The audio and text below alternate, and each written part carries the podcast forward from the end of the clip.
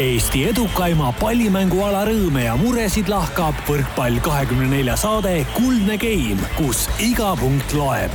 taustajõuna hoiab mängul hoogus ees Kredit kakskümmend neli tere ja ilusat kolmapäeva ütleme taas kõigile võrkpallisõpradele Manta Maja stuudiost, kus eetrisse läheb taskuhäälingu saate Kuldne Game üheteistkümnes osa. saatejuhid, kolm musketäri on kenasti vormis. Karin Aldo Juku Rummi stuudiost ja Rivo Vesik telefoni teel Sotšist. tere hommikust, mehed! Tere hommikust! tere! ma saan aru, et Äh, et äh, Uku äh, vaatas eile pikalt-pikalt Eurovisiooni ja tal olid nii mõnedki märkused sellega seondus, seonduvalt. meie, teised saatejuhid loomulikult teisipäeva õhtuti valmistume saateks ja, ja sellise jamaga ei tegele. no ma valmistuks ka saateks, kui mul mingid infid tuleks kuskilt sisse, et kes meil sa-, külla tuleb või mis iganes. märkusi ei ole, aga no vähemalt nii-öelda ainus, ainus hetero sai edasi, meie eestlased, nii et, et Rivo, kas äh, Sotšis, Venemaal, seal on vist keelatud üldse, seal, kui selline jama hakkab pihta, siis pannakse kõik telekanalid kinni või? ei, ei, ei, ei näinud küll siin või tähendab kedagi vaatamas, selles suhtes meie seltskonnast küll keegi ei, ei jälginud seda Eurovisiooni. et ma ei tea, noh, neil on ka kindlasti mingi oma esineja olemas, aga, aga, aga ei ole kursis sellest. ma arvan, meil peaks ka panema mingi noh, teatud hetkedel mingi eetrikeelu, eetrikeelu peale seal mingid noh, mingi filter võiks olla vahel äkki neil on, äkki need on tänases poolfinaalis siis osalevad või? ma ausalt öelda, ma ei oska seda kommenteerida, see ei ole üldse selline teema, mida ma jälgin. väga hea, aga täna on siis stuudios lisaks kolmele musketärile ka meie oma D'Artagnan ja alustaks siis selliste sõnadega, et Isamaa ilu hoieldes, vaenlase vastu võideldes, pane tähele, pane tähele, pane tähele. tere hommikust, Eesti koondise nurgaründaja, möödunud aasta Eesti parim meesvõrkpallur Robert Täht tervist! no kui tihti sulle seda siis äh, võrkpallitrennis, ütleme, kaasmängijad ütlevad näiteks sidemängijale, et pane tähele, pane tähele, pane tähele? Äh, see, see on rohkem fännide poolt tulnud seal Tartu aegadel, et kolm aastat järjest seda lauldi, et äh, väga ilus laul oli ähm,. väga hea. kuidas, kuidas türgi keeles on pane tähele? ei tea. ei tea. mida sa türgi keeles üldse, on mõni sõna, mida sa oskad? Ja tähendus? üks, kaks, kolm. kaks õlut. jah nädal aega oled nüüd kodus olnud, Robert, pärast Türgi liiga lõppu. ole hea, ütle, millega sa tegelenud oled, kas sa oled suutnud spordist nüüd eemal olla vähemalt nädal aega? no võrkpallist olen eemal olnud äh,, mänguliselt vaadanud olen, eile just oli Itaalia liiga finaal äh,. Belgia finaalid toimusid ja, ja nii edasi, aga, aga jõusaali ikka olen teinud natukene, et äh, rohkem enda jaoks kui me finaalseeria sees sinuga rääkisime, siis sa ütlesid, et sa pead võtma umbes kolm-neli nädalat selle, ütleme siis sääre, kas marja, kuidas see oli? seal on üks väike sihuke tibula või fibula see luu. vot, ta ei räägi türgi keelt, aga ta räägib ladina keelt. sihuke mees on meil täna stuudios. täislingvistika. ühesõnaga, et sul on seal äh, siis vigastuse oht või ütleme, luumurru oht, ma saan aru, ja sa pead seda natukene hoidma nüüd? no ütleme nii, et vigastus on nagu täitsa olemas aga, aga jah, sellest vigastusest tulenevalt on ka väsimusluumuru oht, mis on natukene niisugune tõsisem asi, et äh, sellest taastumine võib seal kuus kuud minna, võib kuni aasta minna, oleneb, oleneb jah, kui hullusti läheb. kuidas sa ise praegu vaatad otsa sellele vigastusele, arvestades seda, et, et koondise suvi ka sinu jaoks on algamas kahe nädala pärast? ei, lootusrikkalt, et äh, vähemalt peas usun täielikult, et et äh, seda, mida need arstid ütlevad, et kolm-neli nädalat puhkust ja, ja siis on, peaks okei okay olema, sest ise tunnen ka, et kui seal üks-kaks päeva sai juba õhku vahele, et siis andis natuke järgi, läksid koormused järjest üles, järjest hullemaks läks ja, ja noh, et tundub, et see puhkus mõjub kõige paremini, et äh, selles suhtes ja jooksmisest ja hüppamisest hoidun praegu. ja kõik arstid räägivad sama juttu, Eesti, Türgi? no täna just lähen nüüd Eestis äh, füsioterapeudi juurde, kes vaatab ka mind üle, aga, aga jah sama jutt. väga hea tead, Robbie, äh, lisaks sellele, et sa võiksid natukene lähemal mikrofonil olla, äh, on mul selline küsimus, äh, kui pikk sa täna täpselt oled? meeter üheksakümmend üks koma kuus. väga hea, näed, niisugune vastus, Rivo muidugi nii täpne nagu Rivo, ta vist eelmine saade ütles, et ta oli kaks null null koma ei, kaks, kaks null kaheksateist jah, et noh, nii täpseks veel ei ole vaja minna, aga ühesõnaga, mis mina tahtsin, millele tähelepanu juhtida, et kui tavainimene vaatab võrkpalli, siis Robert Täht tundub väljakul suhteliselt niisugune pisike mees, kes ka kuidagi saab üle käe, käe üle võrgu, aga, aga tegelikult sada üheksakümmend üks sentimeetrit. millal sa kasvama hakkasid, ma tean, et ega sa ju tegelikult äh, noorena ka väga pikk äh, ei olnud, et sul tuli üsna hilja see kasv vist? no ütleme nii, et kümnendasse klassi läksin ma ikkagi päris äh, junsuna et äh, seal selle esimese aastaga kasvasin kümme sentimeetrit, tuli see ligi sada üheksakümmend tuli täis, aga, aga esialgu jah, et äh, noh, terve oma see nii-öelda noorus, noorusmängu, mänguline aeg, et, et seal ma olin alati niisugune lühem poiss palju seda kuulsid treenerite ja teiste inimeste käest, et ütleme, sa oled lühike ja, ja võrkpallur ikkagi nii lühike ei saa olla? ütleme nii, et seda tuli ette, aga, aga ma ei tea, ütleme ausalt, mind ei kottinud väga see, et, et ma tundsin, mul olid need pallid ära ja, ja võrk oli parajalt noh, tollel ajal ka juba paras minu kõrgusele, et ma väga ei põdenud selle pärast. aga ilmselt sa õnnelik ikkagi olid, kui Audentesse jõudsid ja aastaga tuli kümme senti juurde peaga? no ütleme nii, et ma mäletan juba seda, et ega ma tahtsin nii räigelt kasvada küll, et kui kunagi Tali ütleski, et äh, tuleb rippuda, siis ma rippusin iga päev ja, ja kogu aeg ja ilmselt aitas natuke. noh, kes seda teab. Rivo, vaadates sinu pikkust, siis sina oled vist äh, elus väga-väga palju rippunud. või siis riputanud? ilma ja kusjuures ilma naljata, täitsa ilma naljata veel. Oleg Lazarev, kes oli minu teine treener, kolmas treener siis äh, peale igat trenni kogu pundiga rippusime nagu nahkhiired seal rivis, et äh, ja, ja tõsiselt, Oleg ütles samamoodi, et tahate pikaks kasvada, siis tuleb rippuda. Ma olen hästi palju porgand, ma olen hästi palju porgandeid ka söönud. Olegil endal vist jäi rippumata, ma mäletan, Oleg väga pikk ei olnud, lühem kui mina isegi, ma olen ju täitsa juhinsuna. no ju ta seal ülikoolis õppis seda, et äh, tuleb rippuda, et äh, aga jah, me rippusime samamoodi hästi palju väga hea. Äh, Robbie, alustame sinu puhul tänast äh, sellist sisukamat vestlust lapsepõlvest. see lapsepõlv möödus Võrus. Äh, Võrus on sellised kuulsad võrkpallurid tulnud nagu Aavo Keel, Jaanus Lillepuu, aga kergejõustiklasena on ikkagi tore ära mainida ka kümnevõistluse olümpiavõitja Erki Nool. kes sinu iidol oli nooruspõlves oma siis kodukandist, oli keegi üldse? Värnik on ka sealt lähedalt pärit ju jah, Erki Nool oli ju sellel ajal täiesti noh, ikkagi üks Eesti kuulsamaid sportlasi ja, ja noh, eks tema, tema, tema jälgedes tahtsid äh, paljud käia. aga ma nüüd ausalt öeldes ei mäleta, et ma kedagi idoliseerinud oleks tugevalt. Äh, millega sa Erki no... Nool oli ka Eesti kõige seksikam mees ma nüüd siin ütlen vahepeal kollast infot ka. kas Rivo, sina oled ka selle tiitliga päretud või? Äh, mitte ametlikult mitu korda, mitteametlikult olen ikka aastaid järjest olnud kes seda, kes seda mitteametlikku, kas sa ise jagasid või? mitteamet- ja ei, jah, no põhimõtteliselt ma iga aasta annan endale paar tiitlit. ornit-, ornitoloogides lõpukoosolek on tulemata veel. jah, no seal, seal tuleb kamaluga tiitleid väga hea, Rivo suudab ikka saatesse tuua natukene sellist eh, just olulist infot jälle juurde, mida me väga tähtsaks peame selles Kogupere saates, et ei jääks ainult võrkpallikeskseks, vaid saaks ka Kroonikast natuke, kes ei ole viimast nädalat lugenud, saab jälle info kätte. aitäh sulle, Rivo, selle. see oli Vene Kroonikas ju? jah, kas nii kaugele juba Sotsi, jõudnud so,? Sotsi kõige seksikam eestlane aga tuleme nüüd teiste teemade juurde tagasi. Äh, Robbie, ole hea, räägi, äh, kuidas sina, sinu noorpõlv äh, Võrus möödus, milliseid mänge te mängisite lapsena, kuivõrd palju pättust sai tehtud ja nii edasi? kõike sai tehtud, aga mängudest äh, ikka võrkpall oli, oli teemas seal mingi aeg, kui sinna trenni sai mindud, et äh, siis alguses viskasime üle selle pesunööri, seda palli, püüdsime kinni ja noh, kutsusime pioneeriks seda, aga, aga siis, kui juba see pall hakkas seal äh, natukene käes püsima, noh, et ei pidanud seda enam kinni püüdma, et siis hakkasime juba võrkpalli mängima rohkem ja, ja noh, ütleme niimoodi, et äh, Võru niisugune hea väike linn, et ja väga palju midagi muud seal tegema, teha ei olnud vaja, et, et siis sai trennis käia iga päev ja, ja kui trenni ei olnud, siis mängisime kuskil pargiväljakutel ja aga päris väiksena jalgpall, korvpall, mingid muud mängud ka ikka? Jah, ma, jah, ma käisin kunagi judotrennis ja käisin kergejõustikutrennis ja, ja jalgpalli mängisime jah, kogu aeg hoovi peal, et äh, sai kõike tehtud. kollane vöö äh,? jah, olemas. aga sinna ta jäi? see must, sinna ta jäi jah mingi.... musta vöö oled hiljem saanud poest kuskilt võtnud kallima? jah, et aga, aga mul lõppes see turniiril tegelikult see judo karjäär. nii?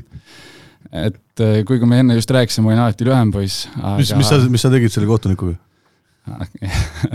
ei, minuga tehti see turniir, et äh, kuigi ma rääkisin jah, et ma olin alati niisugune lühem poiss, aga mingi vanus ma olin ikka natukene niisugune suurem just, et äh, mäletan, et mind pandi seal paar aastat vanema poisiga vastamisi, kes oli natuke osavam ka. see viskas mind nagu kartulikotti üle õla ja viskas sinna vastu maad, niimoodi mul oli hing kinni. siis mind natuke tohterdati seal ja siis, kui ma need luugid lahti tegin lõpuks ja, ja siis ma ütlesin, et ei, selle jalaga on, on kõik, pole mulle. nii et peab ikka võrk vahel olema? ei, siis peab võrk vahel olema, et selles suhtes aga saame ilma võrguta ka hakkama. saame ilma võrguta ka hakkama, aga, aga lihtsalt, et see judo ei tundunud päris see ala, millega, millega tahaks jah, tegeleda. mis vanuses sa jõudsid võrkpalli juurde? üheksa-aastasena. ja see kuulus mees, kes sind üles leidis, on Urmas Tali? Jah äh,, mäletan, et ta käis meil klassis rääkimas, ehk siis neid äh, lapsi värbamas seal ja, ja mul selles suhtes, et perekond mängis ka võrkpalli oma lõpuks rohkem küll, aga ja, ja Võrus on mingi niisugune teema oli ka sellel ajal, et ütleme, kõik eh, minuvanused pluss eh, seal viie, viie, viie aasta ringkonnas, et, et kõik on võrkpallitrennis vähemalt korra käinud, et Aksel Saal on seda asja seal pikalt ajanud ja siis tuligi, Urmas tuli peale, et ma arvan, et ma olingi tal eh, esimene grupp. Ja siis ma võtsin ka poistelt, klassivendadelt noh, piltlikult öeldes käest kinni ja vedasin nad trenni ja, ja sama pundiga me juba C-klassis seal, mis vanus see on siis, neliteist äkki, võitsime juba kõik Eestis, mis võita annab, et äh, samad mehed. kuidas see Urmas siis tuli kooli? hakkas võrkpallist rääkima ja? Jah, sellel ajal käisid need kõik, et samamoodi ma läksin judotrenni, et kui tuli judotreener sinna alguses, see oli veel varem esimene klass, ma arvan, judotreener küsis, et äh, kes teist lapsed Jaapanist on käinud, kõik tõstsid käe Jaapanist on kuulnud? ei, Jaapanis on käinud. ja kõik tõstsid käe? jah, sest noh, keegi mõtles, et on käinud, vaata, tõstis käe, siis kõik teised tõstsid järgi, noh, ma muidugi tõstsin käe, ma olen ka Jaapanis ära käinud. Et sai, sellepärast sai sinnagi mindud, et see värbamine too hetk, too aeg eh, toimis väga hästi. ja see vist näitab ära, et tegelikult eks kõige lihtsam vahend ongi see näost näkku, et kui ikkagi treener tulebki kooli klassi ette ja räägib, kui lahe ala on ja mis, mis päev on vaja nüüd trennis olla, siis, siis sellest võiks nagu piisata, et, et sportlikumad poisid trenni saada vist, jah ma usun küll, jah. Rivo, kuidas sina omal ajal jõudsid võrkpallitrenni? ei pidanud Jaapanis ära käima mind sunniti kes sundis? mind sunniti, mind on lapsepõlvest saadik piinatud. sul oli kaks varianti, kas Teg lähed, lähed sporti tegema või lähed noortevanglasse? ei no tegelikult oli üsna lihtne, Pärnus väga midagi muud ei olnud peale võrkpalli nagu pallimängualad. korvpall seal midagi vireles, jalgpall oli sellisel tasemel, nagu ta oli, ainukene siis profivõistkond oli, oli Pärnu võrkpalliklubi. ja, ja ema mul ka ju pallur siin aastaid mänginud, siiamaani kütab seal veteranidega. et äh, eks ta nii läks, eks ma proovisin ka erinevaid igasuguseid asju, mis seal proovida andis, aga, aga võrkpalli juurde, juurde ma jäin. aga põhimõtteliselt sama, sama teema nagu Robiga, et äh, et äh, treenerid käisid koolides ja ja rääkisid ja eks siiamaani tehakse sedasama asja, et see töötab, töötab kõige paremini, aga tänu sellele pearahasüsteemile on, on see läinud üsna karmiks täna, et ma tean, et siin juba lasteaias jalgpallitreenerid ja, ja sellised lihtsamad pallimängutreenerid käivad juba lasteaias. see on, see on täis porno. ja Rivo, varsti on nii, et tullakse juba sünnitusmaja, majja vaatama neid lapsi, et kutsutakse trenni. noh, võimalik jah, võimalik. aga et ei no ilm, ilm, kusjuures, kusjuures ilma naljata, et äh, on ju käinud jutud, et äh, siin mingite kuulsa suurte jalgpallurite lapsed umbes on, on juba ära värvatud kuhugile klubidesse, et lootusega, et, et nendest midagi tuleb, et. Äh. nii on. tuleme tagasi Robbie juurde, kui karmid sinu vanemad lapsepõlves olid, palju nad sind kantseldasid ja, ja ohjasid?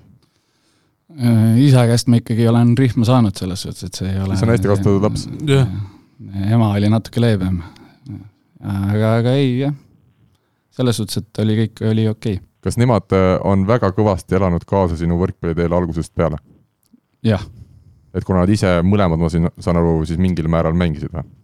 jah, et isa täitsa hobi korras, ema kunagi noorena käis trennis ja, ja noh, siis kuna mul oli niisugune suur soov mingi aeg juba noorena sportlaseks saada, kuigi jah, see oli lihtsalt niisugune soov aga, aga sain igatpidi toetust jah, nii palju kui võimalik. palju sul vendasid, õdesid on?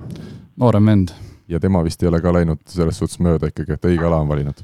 Jah, pisik on tal sees, seda on näha, et, et see aasta veel rohkem kui siin eelmine aasta ja, ja noh, ma ei taha teda väga palju kiita, aga, aga, aga ei, tubli poiss on. kui vana ta on? kolmteist. ja tegelikult on siin tähtesid Eesti võrkpallis veel, aga ma saan aru, et kõik tähed ei ole mitte sugugi sinu sugulased. ei ole jah. ja kõik klubid, mis on VK Täht nimega, ei ole ka veel sinu järgi päris pandud? no seda ma ei tea, aga, aga ilmselt ei ole võib-olla tulevikus. teadis Jaan Prassi kohe kindlasti ei ole sinu järgi pandud aga hakkame vaikselt jõudma sinna, kus sa siis Audentesesse liikusid, kuivõrd eriline Audentese spordigümnaasium sinu jaoks oli ja äh, kuivõrd tähtis see siis hilisemat äh, tippvõrkpalluri karjääri silmas pidades oli? no see oligi üks see, ütleme niimoodi, et Audentesesse minek oli see aeg ikka noh, minu jaoks kõva sõna, ma tean, et teiste jaoks meie vanustes ka, et oli, oli kõva sõna, me tahtsime sinna väga minna, ma tahtsin sinna väga-väga saada, et ja kui see Raul mulle lõpuks helistas, noh, ütleme jah, et, et seal ei mõelnud ka kaks korda, et et kindlasti oli vaja minna. see, nüüd ma saan aru, et see asi on natukene seal ära vaibunud, et pigem eelistatakse mingeid, mingeid muid koole. Ma ei tea, miks see nii on läinud, aga, aga jah, meie ajal oli see kõva sõna ja, ja ütleme, minu karjääri silmas pidades oli see ainuõige lüke me oleme ikka rääkinud, et Raul Reiter on siis Audenteses treener, kes on juba aastaid äh, meie noori võrkpallureid kasvatanud, mida sina temalt õppisid ja teada said? jah, et ei no nüüd kõik loe ette, kõik, kõik asjad nagu. no ütleme niimoodi, et kümnendas klassis äh, oli meil jõusaal, esimene jõusaal äh,. Teppaniga olime varem näinud, kuidas need äh, Maikaga mehed jõusaalis käivad. No särk oli meil seljas normaalne, aga, aga mõtlesime, et kellel neid jalanõusid ikka vaja on, lähme plätudega ja siis Raul Raul, Raul saatis mind päris kähku tagasi, et poisid, te ei tulnud siia nalja tegema ma kujutan ette, kuidas need kaks väikest arbuusimüüjat läksid sinna plätudega kuradi jõusaali. Te mõtlesite, et on jõusaal tähendab ainult ülakeha, et natuke piitsepsit peegli ees ja, ja isegi, tagasi. ma arvan, ma isegi ei mõelnud selle peale, et ma vaatasin lihtsalt jõusaalis no just Ednende kossidega, et, et plätu ajab asja ära küll, aga no ilmselgelt päris nii see ei ole. või sellepärast läksite plätuga, et tossud olid veel kapsikammised või? Mul on seesama küsimus nagu Teppanil, ketsi said, ketsi andsid. räägi ära siis ka, mis see tähendab või, aga hästi lühidalt, meil on Nuku hästi palju teemasid, me ei saa iga, iga saade samadel teemadel rääkida iga saade. las ta jääda, las ta jääda, räägime võrkpallist, meil on võrkpallisaade ikkagi, Uku saab teha pärast kunagi oma saate kus räägitakse siis rebast ja ma saan retsimine on see kogu teema, millest sa alati siin räägid, jah? ei, ma küsin lihtsalt, ma ei tea. ma räägin, küsin, küsin Karl, Karl, ma küsin ühe küsimuse vahepeal, mis meil oli siin eelmine saade ja korra jooksis ka netist läbi, et sa ütlesid, Robbie, et teil oli, kas, kui palju te jõusaali tegite seal Võrus mm,? kas üldse tegime, ma ausalt öeldes ei mäleta praegu päris niimoodi, ma tean, et meil need tavalised kõht-selg, küljed, kätekõverdused, noh, mingi oma keha raskusega harjutused olid kogu aeg teemas, aga, aga aga selle, käis... sellist nagu konkreetselt, et lähme jõusaali, sellist asja nagu ei toimunud? ei, ikka toimis tegelikult, ma praegu mõtlen, meil seal Võru okay., Võru vanas spordikoolis ma ikkagi mingeid raskusi seal tõstsin, ma ei tea, kui palju seda jõusaaliks saab nimetada. no see oligi aga... plätudega rohkem? jah, pigem plätudega rohkem, jah aga kui tõsine see Audentesesse Rival, Rival, Rival, Rival, Rival oli veel pooleli küsimus. ei olnud, ma sain oma vastuse kätte, aitäh et kui palju Audentesest seda jõusaali sai tehtud, ma minu arust Rauliga, nii palju kui mina näen igapäevaselt ka Audenteses treenides, tehakse ikkagi täitsa korralikult. jaa, tehakse, iseasi, kui palju need, kui korralikult need mehed seda seal teevad, et, et me ise ka seal alguses äh,, Raul oli Selveriga trennis äh,, mina jälle võib Teppani nime siin välja tuua, et äh, paar kutti veel. äh, Äh, seal oli üks äge Porolo, Poroloni bassein ka. siiamaani on. jah, siis me vahepeal lihtsalt hüppasime ja pikutasime seal Poroloni basseinis seal esimesed kuud. aga mingi aeg, kui me saime aru, kui, kui oluline see jõusaal on, et ma ütlen ausalt, see kümnes, üksteist, kaksteist klass, et iga aastaga läks see nagu kümnekordselt professionaalsemaks, see suhtumine ja kõik asjad, eks seal olid mingid sündmused ka, mis seda võib-olla äh, aitasid mõju, kaasa. jah, ütleme nii jah, et, et aga, aga jõusaal tehti korralikult, et mäletan, et Raul ütles kohe alguses, et äh, kümnenda klassi lõpuks peab olema sada kilo rinnal, et, äh, et see on vaja ära teha. ja tegid ära äh,? ei teinud, ma arvan. päris, päris palju ka? ta ütles, et gümnaasiumi lõpuks peab olema sada kilo rinnal, jah. aga, aga ütleme, see suurem jõusaali tegemine läks Tartus alles lahti Oliver Lüütsepa käe all, et meil seal äh, oli iganädalased äh, rekordite purustamised ja, ja siis sai neid rekordeid purustatud, jah. kuna mul niikuinii oli täna teemades kirjas see, et äh, millised on sinu, ütleme, füüsilised äh, näitajad, siis võime siin kohe vahele võtta, palju siis täna rinnale võtad, palju, kas sa revimist näiteks teed, palju sa jõutõmmet teed, et ma arvan, et lugejad ka huvitavad niisugused küsimused. viimased aastad jah, Mirko käe all ja, ja ka koduklubides pole enam seda nii-öelda maksimumi, maksimumi teinud, teinud aga Tartus, Tartus too aasta sada kakskümmend viis rinnale, kaheksakümmend, kas oli kuus või, rebimist. noh, kükk on nii suhteline, et kes kui sügavale meil teeb alati, aga, aga noh, need kaks siis on meeles et see plahvatus on ikka päris meeletu, kui me vaatame juba siis vanuses kuskil kakskümmend, kakskümmend üks sa võtsid rinnale sada kakskümmend viis ja rebisid kuskil pea üheksakümmend. jah, et äh, siis sai kõvasti tehtud ka, et see oli niisugune omamoodi, meil oli nagu kaks eri asja, et võrkpallitrenn ja jõusaalitrenn, et jõusаalitrennis oli ka see motivatsioon oli niisugune teistsugune ja ei, väga äge oli ja Olja ka samamoodi aitas kaasa sellele ja oli ka ise hingega asjaga, no okei okay,, tulid tähtsamad mängud, siis ta ikkagi pidi meid seal natuke, natuke tagasi ka hoidma et ei oleks tippvorm mitte seal jõusaalis, vaid ikkagi hiljem pallisaalis. no täpselt. Kaks tuhat kaksteist esiliiga võit, Täht Teppa Naganits, Eesti siis, mis oligi Audentes noorte, kuidas see võistkond igatahes nimetati, tagantjärele vaatad, päris hirmus võistkond, mis esiliigas mängib, et, et kuidas sa mäletad seda aastat või neid aastaid esiliigas, et kas oli liiga lihtne või, või oli seal konkurente küll? Äh, kindlasti oli Kiili, kus olid need äh, vanad staarid äh, koos, et nendega me madistasime seal ja ka Eesti Maaülikoolis olid, olid kõvemad nimed. aga jah, meil läks loogilist rada, et kümnes klass kolmas koht, üheteistkümnes klass teine, kaksteist klass võitsime et selles suhtes oli kõik hästi ja sama pundiga me mängisime ka noortekoondises koos ja, ja just see Audentases koosolek, ma arvan, et eh, see aitas meil ka sellele esimesele tulemusele, noh, suuremale saavutusele kaasa, et saime üle pika aja jälle Eesti MM-ile. Ehm, veel kord sellest Audentese ajast, eh, ole siis hea, räägi, sa ütlesid, see muutus kõik professionaalsemaks, see suhtumine, asjad, kas, kas Audentes oli see aeg, kui sa lõpuks nagu said aru, mida võrkpall tähendab, kuidas peab tööd tegema ja ütleme, said ka tehnilisi teadmisi, mis on hädavajalikud äh, tippu jõudmiseks? jaa, et äh, no algtõde, tõed on ikkagi jah, tulevad juba täitsa alguses pannakse need paika, et kui sinna võrkpallitrenni lähed, et see on tegelikult hästi oluline, kes see esimene treener sul on ja et tänapäeval on ka hästi palju neid noori treenereid, kes võib-olla nii palju seda asja ei taju seal aga ütleme nii, et uh, usun, et mul läks õnneks, et, et Tali just mind üles leidis ja need algtõed seal selgeks õpetas uh,. jah, Audentese ajal ma sain aru, et uh, ma tahan sportlaseks saada, või noh, ma tean, ma unistasin sellest varem, aga Audenteses ma sain aru, et mis selleks tegema peab. ja, ja, ja siis läks kuidagi jah, loomulikku rada pidi on läinud Äh, kui head või halvad õpilased äh, teie siis olite seal, Aganitsad, Teppanid, Tähed, äh, kas Audenteses sai ilusti kõik ained tehtud või jäi tihti ka sinna suve, suve poole neid? me olime niisugused head õpilased, aga natuke laisad seal, ütleme ausalt, et head, aga laisad jah, et ei no selles suhtes, et meil olid asjad olid tehtud, asjad olid nagu jonksus. ei, algusest peale tegelikult, et ega meil kellelgi seal mingit äh, õppimise pärast väljaviskamis äh, muret ei olnud, muret ei olnud jah, et äh, saime oma asjadega ilusti hakkama, aga ütleme ausalt, et see Audent-, see, see päevakava on ka ikkagi päris niisugune crazy, noh et, et see lihtne ei ole seal. mis su lemmikained olid? füüsika, keemia Naudentest äh, oli ausalt öeldes matemaatika, pidasin seda jah, niisuguseks äh, et oskasid punkte lugeda juba mängu ajal, et palju, palju lõpus on, ei pidanud statistikult küsima? jah, ja kümnes klass tegin jah, Teppanile tegin äh, Maci Heines tegin töid ära, et selles, selles suhtes, et see kümnes klass oli veel ja see aeg, kui McDonaldsi ei söödud, et pärast seda ega väga ei olegi enam söönud jah ja iga, nüüd iga, iga aasta räägite palganumbrit ka, et, et sa ütled talle, et ikka võta, ära nii väikseid numbreid vaata ma arvan, me peame tegema eraldi saate, kus meil on Rene Teppan ja Robert Täht ka koos, sest ma arvan, et neid jutte on rääkida pikemaks kui meil siin kahe tunni jagu, mis kahte saatesse mahub, ilmselt nii on. kas Andri Aganits oli ka teiega pundis seal või? selles suhtes ta oli sama vanus? jaa, aga aga tema oli natukene ilmselt korrektsem ta, ta oli oravalt ütleme niimoodi, et Andrit me ei teadnud enne Audentest, äh, polnud mitte midagi kuulnud tast, läksime sinna Audentesest teist, teisi mehi me juba teadsime.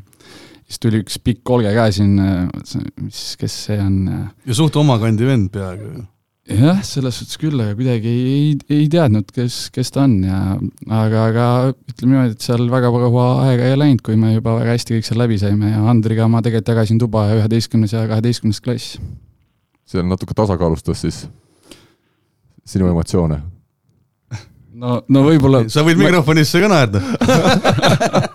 Ei no mingis mõttes, ma ei tea, ju siis aga ütleme, kui me nagu laiemat pilti vaatame, siis vist siin ongi näha ka natuke seda Eesti koondise seda atmosfääri. et äh, teiesugused vennad, kes te täna olete kõik põhikoosseisus, äh, Aganits, äh, Teppan, Täht, te olete noorest peast olnud koos, teil on kuidagi see läbisaamine olnud algusest peale väga hea ja ütleme, koondises teised mehed, mehed veel juurde, et, et see ongi kõik nagu loonud selle, selle atmosfääri, mis täna kui sa vaatad teisi koondise mehi, siis on ju samamoodi on Kreek, Pupart, need on olnud algusest peale Just. koos Gert on vanem olija, ennem seda ju Nõmsalud, Pajusalud, nad on ka koos Gerdiga ka jälle algusest peale kõik koos olnud, et et ütleme, see tiimivaimu, ütleme, kasvatamine on alanudki siis erinevatest, ma ei tea, kas mingitel aegadel Pärnust, praegu Audentesest, kui koos oldi, ja, ja see on siis kasvanud nagu tänaseni välja, oled sa, oled sa nõus minuga?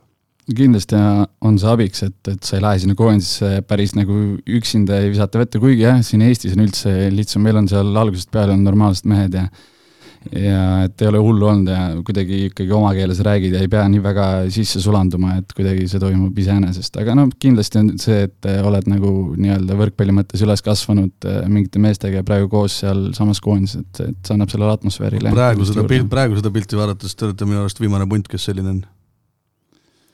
kahjuks noh, seda ma nii täpselt kursis ei ole, tahaks loota, et olukord on natuke parem, aga, aga jah, nii palju, kui ma kuulnud olen ümberringi, et, et äh, kuskil on midagi puudu jäänud. kuskil on midagi, jah aga Rivo, vahepeal tuleme täiesti eraldi ühe teema juurde, kuna Rivo peab meil siin umbes kümne minuti pärast äh, minema venelastega trenni. Rivo, esmi-, esiteks ütle ära, kumb sulle nüüd tähtsam on, kas meie saade või, või see Vene rannavõrkpallurid, kes maailmas on hetkel kas parim või paremuselt teine-kolmas paar, et kumb, sul prioriteedid ei ole nagu paigas minu arust eks mõlemad, mõlemad ole tähtsad, aga, aga teie saate meie saatega kahjuks olümpiale ei pääse veel. podcast'id olümpiale.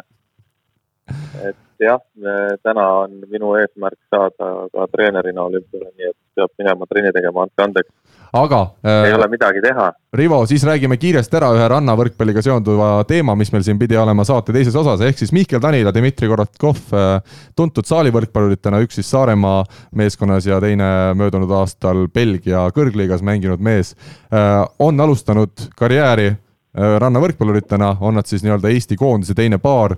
olümpiamängude kvalifikatsiooniturniiril mängitakse siis koondistega, see tähendab seda, et igal riigil peab olema kaks paari ja seepärast on siis Kusti Nõlvak ja Mart Tiisar väga hea meelega võtnud äh, teise paari kampa ja vaadanud, et, äh, et äkki õnnestub koos olümpiale tüürida. kuidas sulle, Rivo, kõrvalt tundub, Danila Korotkov, milliseid mõtteid see paar tekitab? ma ei ole neid mängimas näinud selles suhtes nagu ma näen neid nüüd mängimas Hiinas äh, järgmisel maailmakarika etapil. aga nagu ma ütlesin ka Mardi ja Kustiga, et see on väga, väga, väga julge otsus minna proovima. kahjuks paljud ei julge seda teha Eestist, äh, kuigi võiks, aga, aga mina arvan, et, et nad suudavad mängida küll, noh, Dima on ju, Dmitri on ju läbi ja lõhki rannavõrkpalli fänn, et tema jaoks ei ole isegi mingit küsimust.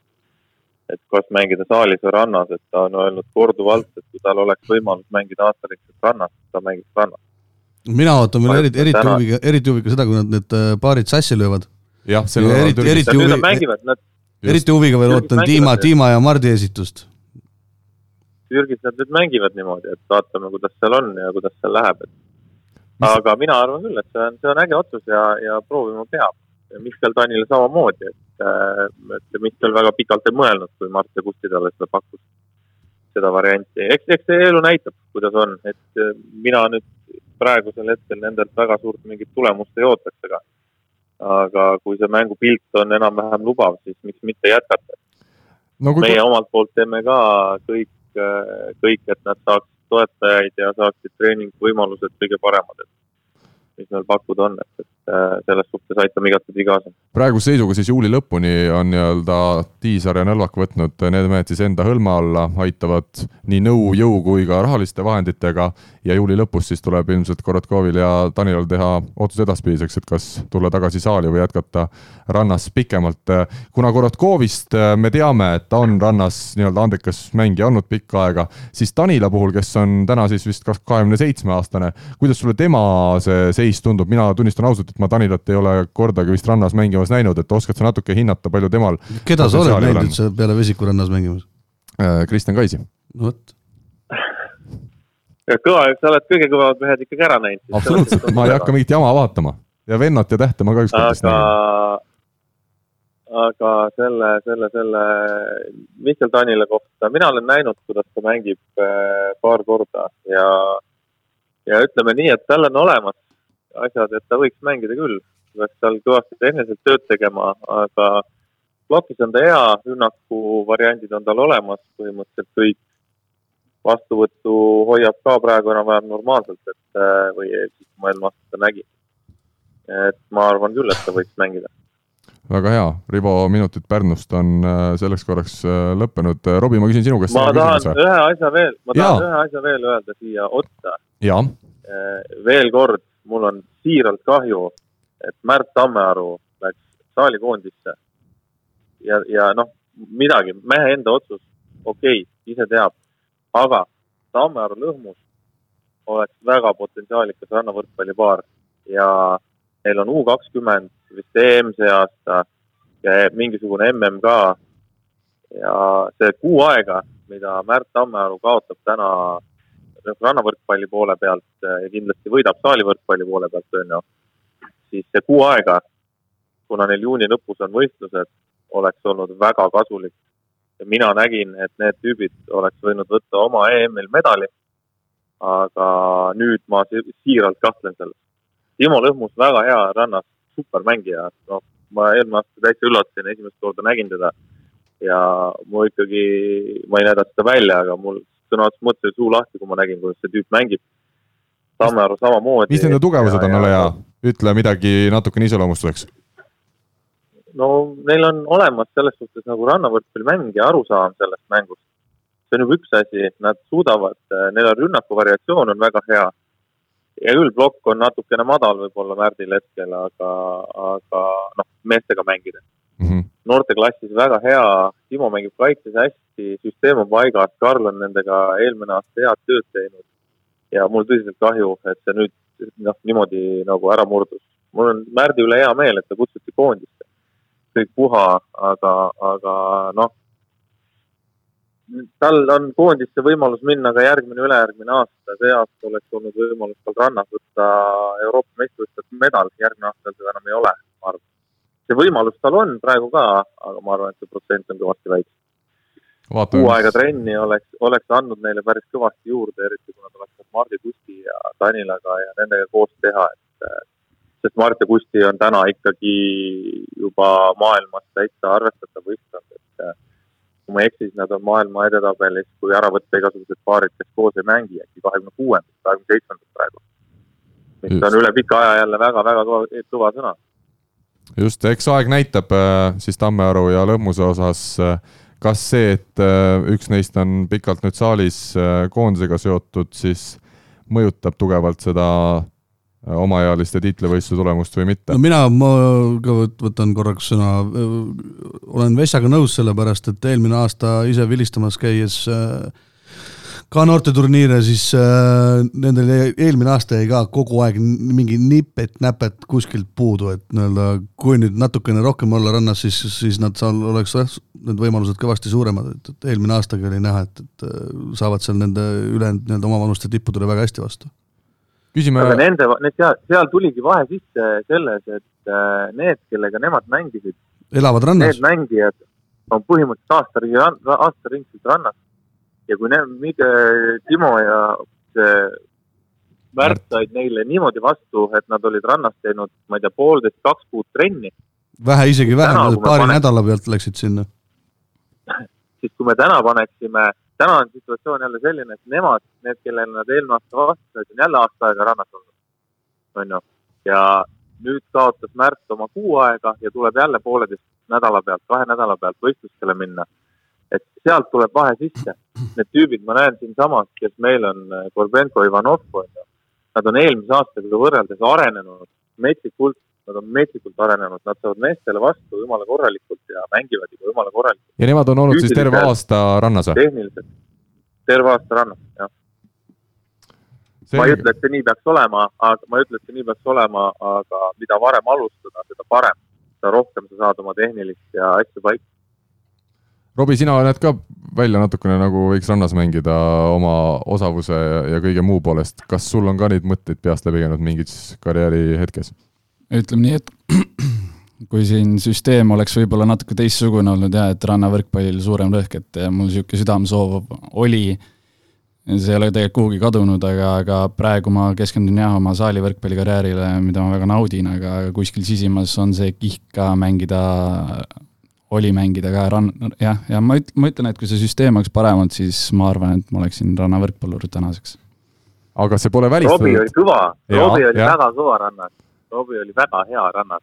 kas veel parem kui Vesik? Ärge nüüd utoopiliseks lähe, sa paned, sa paned kuradi ma juttu ühe küsimuse. no aga sa panid alguses kroonika teemat meile tõid. sa tõid meil kroonika teemat hommikul lahti ja, ja mul siis tuleb see. oli eluliselt, see oli eluline fakt, et Erki Nool oli Eesti sektikam inimene, noh, mis see teha on. ei, aga tegelikult ilma naljata, Robbie oli, Robbie oli väga hea rannas, siiamaani on, ma arvan, ega see kuhugile ära ei kao ja, ja vaatame, kui ta siin ära tüdineb paari, kolme, nelja, viie aasta pärast ja piisavalt raha kokku ajab, et siis äkki värbume ära. kes on Rivo tema paariline Eestist võiks olla, keda sa täna näed ka, kes ütleme praegu mängib saalis?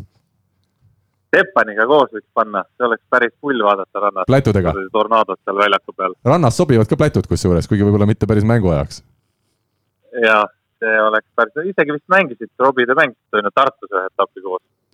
jaa, kunagi me tegime ühe ühe terve niisuguse suvetuuri koos, aga ütleme niimoodi, et äh, kahekesti seal väljakul meil tekkis ikka olukordi, kus me üksteisega ei rääkinud vahepeal ja, ja seda ma ütlengi, et seda tornaadot oleks äge vaadata seal aga Robbie, sa siis ei välista, et ütleme, siukseid näiteid ju tegelikult on ka tippvõrkpallist, kus mängija kolmekümne viie aastaselt näiteks vaatab, et nüüd on saalis kõik, läheb randa, kus on ka natuke tervisele võib-olla mõnusam. ja ma just tahtsingi, tahtsingi öelda, et, et äh, seal on vähem vigastusi. no Huku läks ju sellepärast puhtalt ka vilistama randa, et äh, ka kohtunikul on vähem vigastusi seal rannas. no päike paistab ju et, äh, et sa ei välista seda varianti. väga hea näide, väga hea näide selle kohta on, on Nummertoor, Rainer Nummertoor, saali võrkpallis võitnud, ma ei tea, olümpiamedali. üheksakümmend kuus, kas ta ei tulnud või? jah, vist oli, Numerdor Suil, Suil oli A, Itaalia seeria A parim mängija kaks aastat järjest äh,. Numerdor mängib Venemaa liigas ja tulid mõlemad randa, olümpial jäid äkki neljandaks. võitsid mitmeid maailmakarika etappe, nii edasi, nii edasi, nii edasi, lõpuks Numerdor tuli veel ühe noore Hollandi poisiga MM-il teiseks ranna olles, nii et ja tulid ka vist äkki kakskümmend seitse, kakskümmend kaheksa, kui nad olid, tulid randa. värbamistöö käib. no number oli, ta ju mängis neljakümneni välja peaaegu ju. ja noh, nüüd ta on treener, Hollandi koondise treener, et eh, selles suhtes ei ole midagi välistatud. võtame hea meelega äh, sinna Trapsi vastu, Robbie, kui sul huvi tekib, siis äh, try-out'i saad ikka ära teha no selge, võtan arvesse. aga Robbie, minu küsimus sulle oli jätkuvalt see, et kui see karjäär, ütleme, peaks kolmekümne viienda eluaastani näiteks äh, minema ja, ja et sa ei välista, et sihuke, sihuke variant võib veel tekkida? no ütleme ausalt, ma ei ole sellele väga palju mõelnud, aga no välistada ei saa mitte midagi, et äh, eks, eks näitab, mis elu toob ja, ja noh, see sportlase karjäär on nagunii sihuke väga-väga äh, kiiresti, see võib puruneda väga kähku ja väga kiiresti, et ei tea, mis, mis elu toob ja kui me veel Türgi liigat juba natukene meenutame siin äh, hiljutisest ajast, siis äh, rannas on ka minu teada, Robbie, see värk, et päris kindlalt saad tõsteid. Jah, kui serv sinu peale tehakse, siis saad neid tõsteid, no samas kui ei lööda, siis saab seda teist ka vajutada seal, et paariline võib hakata nägusid mingi aeg tegema, aga esimene üles? esimene üles, jah. kuule, aga sõbrad, mina pean nüüd lahkuma, mul tuleb töö ots peale ja väga tore oli rääkida, Robbie, sa oled väga kõva mees pane edasi, anna tuld nii palju, kui tuleb. tänud, Rivo! ja samad sõnad sulle, Rivo! on ju? jaa, seda ma, seda ma tean, seda ei ole vaja, seda teavad kõik. aga siis kohtumiseni Kohtumiseni. on ju, järgmine nädal uues kohas, väga hea. tšau. ja Rivo on läinud, mina ootan muidugi neid hetki, kui ka Uku mingi hetk stuudios on meil ja ütleb näiteks poole saate pealt, et tal on nüüd aeg minna kuskile. kas sul ei ole vahel vaja minna kuskile hommikul ma, ma mõtlesin, kas ma üldse tulen. sul on nii ma, ma mõtlesin niimoodi, et minna, minna jõuab alati, aga ja meie jõuame siin ka Ukut natukene nii-öelda kritiseerida, et Rivo oleks täna palju kauem olnud saates meiega, kui mitte Uku. miks sa kritiseerid, kui ta kella tunneks., kui sa tõmbad kogu aeg Rivole vett peale, siis ütle mulle aitäh, noh. Ei pidanud teda nii palju ei kuulama ei ütle. ei pidanud teda nii palju kuulama kui tavaliselt. aga ma ikkagi täna üritan suhteliselt hoida seda na- naljavärki meil madalal, sellepärast et meil on Robert Täht äh, üks kord aastas võib-olla siin stuudios ja, ja üritame siis võimalikult palju siit välja võtta. ma ei tea, kus see nali oli. me oleme jõudnud nõnda kaugele, et, et Tartu Bigbank kolm aastat tegelikult, see on päris pikk aeg. kas sa ise said äh, vist tegelikult pakkumisi ka selle kolme aasta jooksul, sa olid siis vanuses üheksateist kuni kakskümmend kaks umbes välismaalt, aga et sa otsustasid, et Tartus on kõige parem ja kindlam nagu areneda või? mis ta otsustas, Jõesaar ei lubanud ära minna lihtsalt. no selles on ka tõetera sees tegelikult äh, Uku jah, et äh, tegin alguses kohe kolmeaastase lepingu, kirjutasin sinna alla. pärast teist aastat pikendasin, mis noh, lõpuks ütleme ausalt, et eks mul oli õnne ka, et mind sealt välja osteti pärast kolmandat aastat. Mitte nagu halvas mõttes, aga, aga lihtsalt, et äh, mul oli see suur kihk ikkagi välismaale saada ja, ja see oli see aeg, kus minna. aga miks sa siis lepingut pikendasid pärast teist aastat? raha tahtsin juurde too aeg, et äh, sul oli kolmeks võis- aastaks nii-öelda üks summa iga aasta jaa ja, fikseeritud, aga, aga ise tundsin, et äh, vääriksin võib-olla rohkem ja noh, elu, ütleme jah. jah, et, et käisin seal ka niisama ütleme siis lepingut muutmas, aga, aga ilmselgelt Jõesaar Siimson ka tollel ajal, et, et ega, ega, ega tola loll ei ole, et selles suhtes. jah, et äh, võisin seal paugutada neid uksi küll, aga, aga, aga pidin ka ise midagi omalt poolt veel rohkem vastu andma.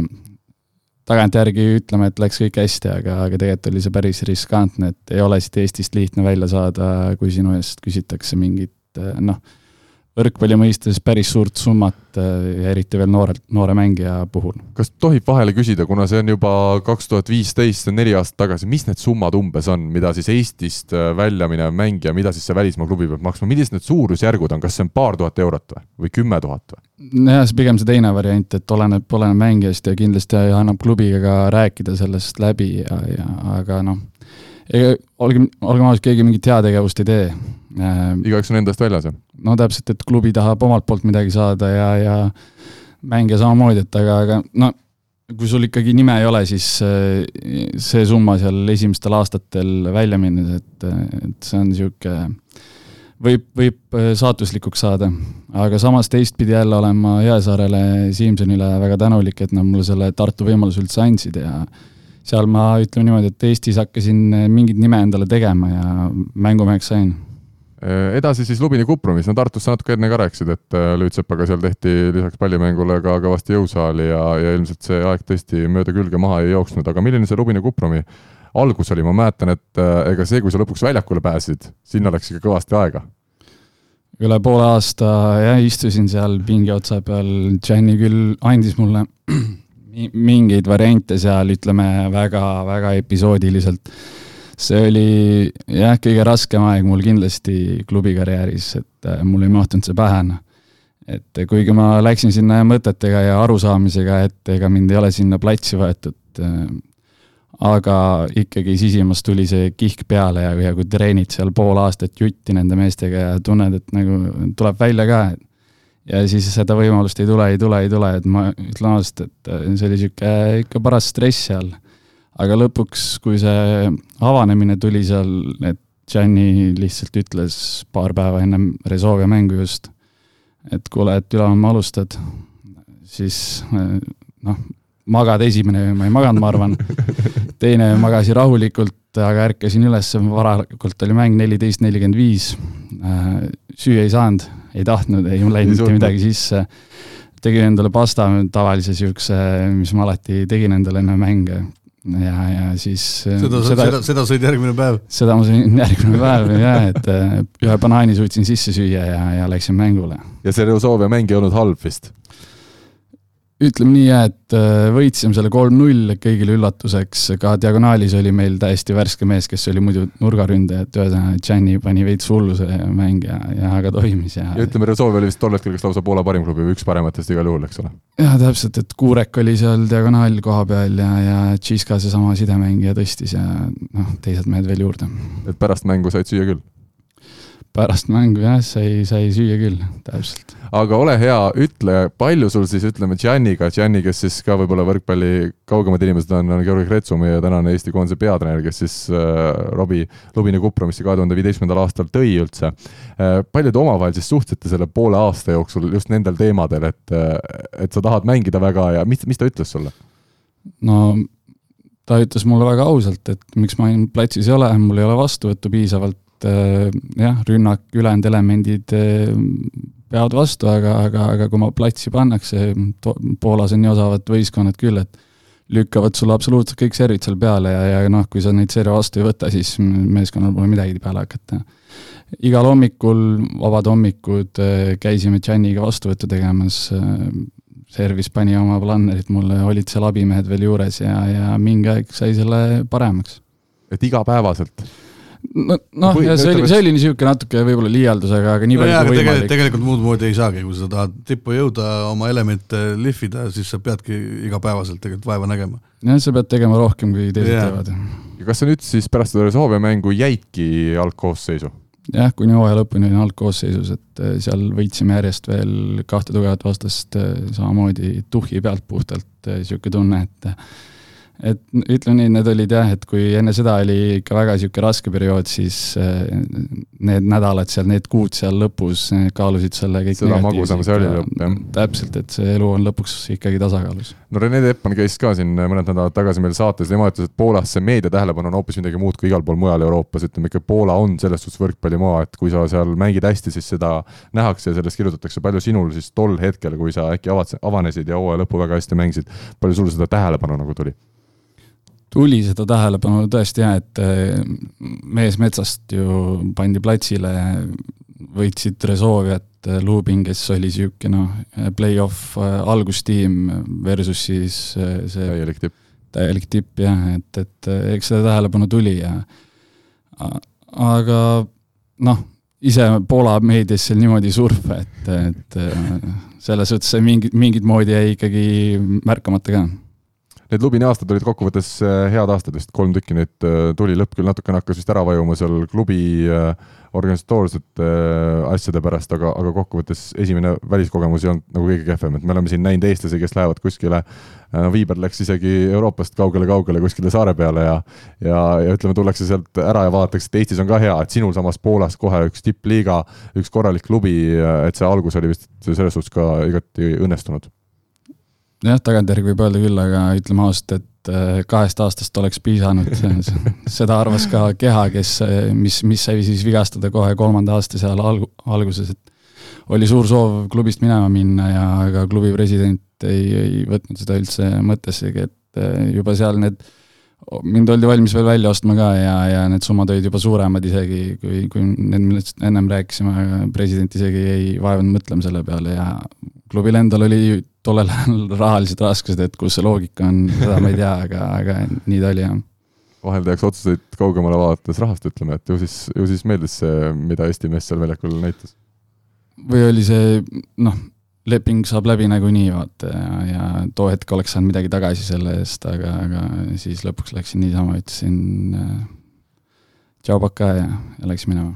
Ehm, kui me nüüd tuleme juba siis eelmise aasta juurde Izmiri Arkasega, kui sa päris varakult selle lepingu sõlmisid. täna julged sa, tahad sa öelda, kes sul, ütleme, need kosilased veel eelmise aasta kevadel olid või sa sõlmisid selle lepingu nii vara ära, et sa oli, ei jõudnudki väga palju mujalt midagi kuulda? seal oli jah, mingid jutud olid üleval, Arkas, kui kuulis nendest juttudest, siis ta, nad tahtsid väga kähku selle asja ära teha, jah, et sellele aitas kaasa see, et aasta aega varem oldi mind juba vaadatud, et seesama klubi tegelikult tahtski mind välja osta Lubinist juba aasta varem, aga, aga siis, kuna see jäi poolikuks, siis, siis nad nagu teadsid või noh, olid nii-öelda eeltöö minu kohta ära teinud ja selles suhtes läks päris kähku, et jah, veebruari keskel oli, oli leping olemas, leping laual, et midagi muud seal väga, väga palju tõsisemaks ei läinud, et jah, jutud olid ja that's it. oled sa tagantjärele õnnelik, et sa Arkose valisid lõppenud hooajaks? Jaa, see oli täiesti omat moodi, uutmoodi kogemus minu jaoks, et ja usun, et väga vajalik kogemus mida sa siis õppisid, ütleme, Glen Hogue oli vist see mees, kes su sinna tõi, peatreener, ja, ja tema sind paljuski seal kasvatas ja õpetas? ja esiteks oligi temalt juba palju õppida, kuidas tema seda võrkpalli näeb ja see on ikka hoopis teistmoodi, et temal on see võrkpall puhas matemaatika, et kõik käib numbrite järgi, kõik ongi numbrid, et mis see tähendab? No ütleme nii, pärast igat mängu, esimene trenn võit-, võttis oma lehe, tal olid sinna märkmed tehtud Äh, mehed istusid maas, tal oli seal üks niisugune tahvel, sinna kirjutas peale iga mehe nime, numbrid, protsendid, sa pead olema pluss-miinus süsteemis teatud piiril, siis ta võttis tiimi oma kõik laiali ja ühesõnaga, et äh, need numbrid olid ikkagi väga-väga olulised. minul isiklikult tundus, et või noh, minu jaoks isegi natuke nagu liiga olulised, et see nagu mänguline pool või see, mis seal tegelikult toimus, seal võrkpallis on nii palju emotsioonid, kõik asjad, mis hetkel, kuna mingeid liigutusi tehakse, et see on minu arust ka väga oluline, aga, aga jah, tema lähenes sellele, ütleme niimoodi, mustvalgelt. kui erinev ta, ütleme, Gianniga on mees, kellega sa oled siis samuti töötanud siin hiljuti just äh, nii klubis kui koondises?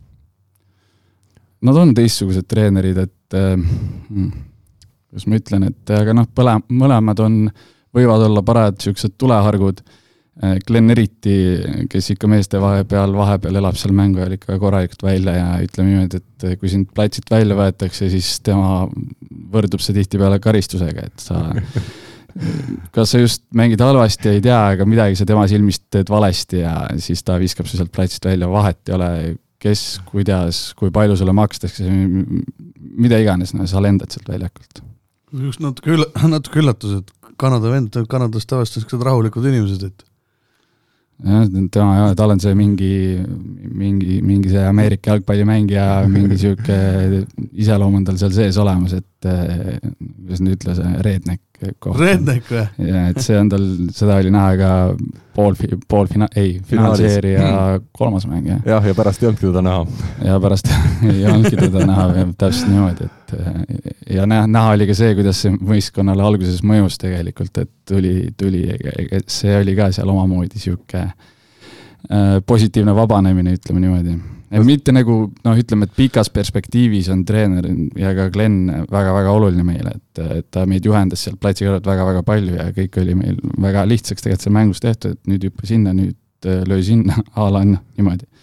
aga, aga jah, et too hetk seal mingit muutust oli vaja ja, ja see oli ka üks see muutus. no räägime siis sellest muutusest, muidugi finaalseeriast jõuame veel paari sõnaga rääkida, aga, aga ühesõnaga jah, finaalseeria vist teises mängus siis Glen Hogue läks kolmas, kolmas, läks kohtunikega natukene liiga otsekoheseks. võib-olla tegi meele, võib-olla tegi meelega.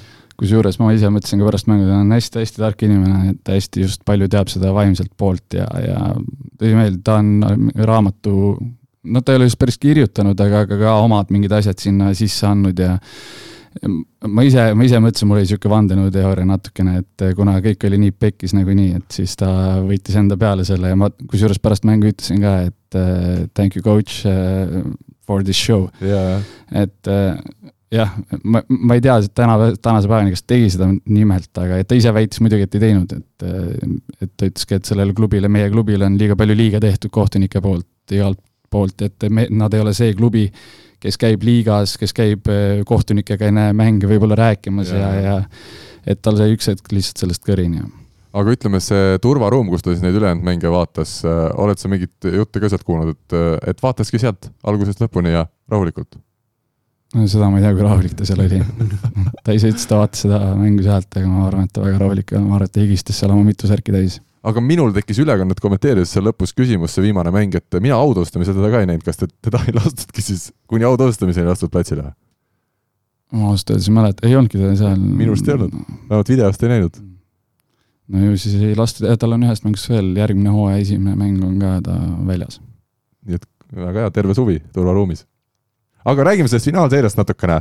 uskumatu seeriaga, sa ütlesid, et see viimane, viimase mängu kaotus oli sinu vaata karjääri nüüd ta nägu, ta ei taha rääkida sellele. no peab rääkima, siin varianti ei ole, et see viimane mäng oli muidugi eriti valus, et te saite selle null-kolm tappa, sedasi ilmselt ei olnud päris plaanipärane, aga kokkuvõttes see seeria oli ikkagi päris eriline ja ilmselt sa kogesid seda klubi tasandil võrkpalli tipptasemel esmakordselt siis äh, ütleme sellises mõõdus.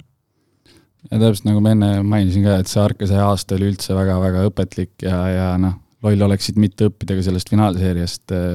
olen natukene nüüd, on olnud aega natuke läbi mõelda see mäng ja mis seal täpselt võis juhtuda, et eh, fakt on see, et sinna kahe kõrva vahele tervel meeskonnal see asi jäi. kuna, kuna minu roll selles tiimis oli võib-olla hoidagi seda pead seal natuke külmane jah. külmana, et, et ise, ise olin see esimene mees võib-olla, kes seal kohe esimene tõste tuli, see kukkus kuradi kolm meetrit varem ära ja palli ei puutudki, siis mul juba siis viskas ära natuke, et äh, noh, tagantjärgi võib öelda, et oleks natuke teistmoodi pidanud neid asju tegema ja, ja noh, see viimane mäng ei olnud plaanipärane jah, et äh, kui kaks-null kaotusseisust mängudega tuled kaks-kaks tagasi, kolmas mäng päris jabur stsenaarium ja siis viies mäng äh, noh, võib-olla lootsime sisimas, et see momentum jätkub loomulikult, aga noh, nüüd, nüüd tean, et, et sellest tuleb ikka kümne küünega kinni hoida ja, ja niisama ei jätku siin mitte midagi. kuna sa tõid välja selle, et sa võib-olla ise ka võinuks selles viimases finaalmängus pead rohkem külmana hoida, siis kas sa ise peadki oma suurimaks miinuseks täna võrkpallurina seda, et et sa ei ole võib-olla vaimselt veel nii tugev, nagu ütleme, sul endal oli seal klubis üks pea või vist nelikümmend pluss brasiillane, eks ole, nurgameelse vahetusest võtta, hästi kogenud mees, et kas see ongi see see osa veel, kust sinul on kõige rohkem areneda või sa näed füüsiliselt äh, või, siis tehniliselt või mingite nüansside puhul ka endal veel mingeid selliseid selgeid äh, vajakajäämisi, mida saab lähiaastatega parandada? igalt poolt saab midagi parandada, päris, päris kindlasti.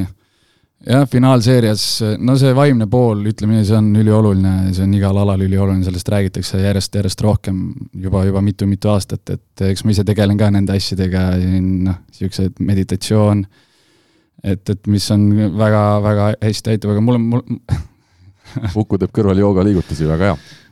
Ukul ongi sihuke, ta ongi vaimne pool meil selline, ta on selline raadiomees, kes ei ütle sõnadega, vaid ütleb tegudega, lihtsalt paraku raadioformaat on selline, et neid tegusid ei näe raadiokuulaja. see avamine tuleb. väga hea, jätka. kus ma poole Vaimsest poolest rääkisid. vaimsest poolest rääkisin jah, et see on ülioluline igale sportlasele. Ma ise, ma ise olen aru saanud, et kui sa oledki nii-öelda kogenud mängija, siis sa võib-olla hoolid vähem, no mitte selles suhtes, et eh, kuidas ma nüüd ütlen hästi seda, et eh, hoolid vähem, et sa nagu ei, ei mõtle üle mingeid asju, sa ei tee neid asju liiga oluliseks, sa oled selles olukorras juba varem olnud, sa tead, mis see tähendab, mis see on.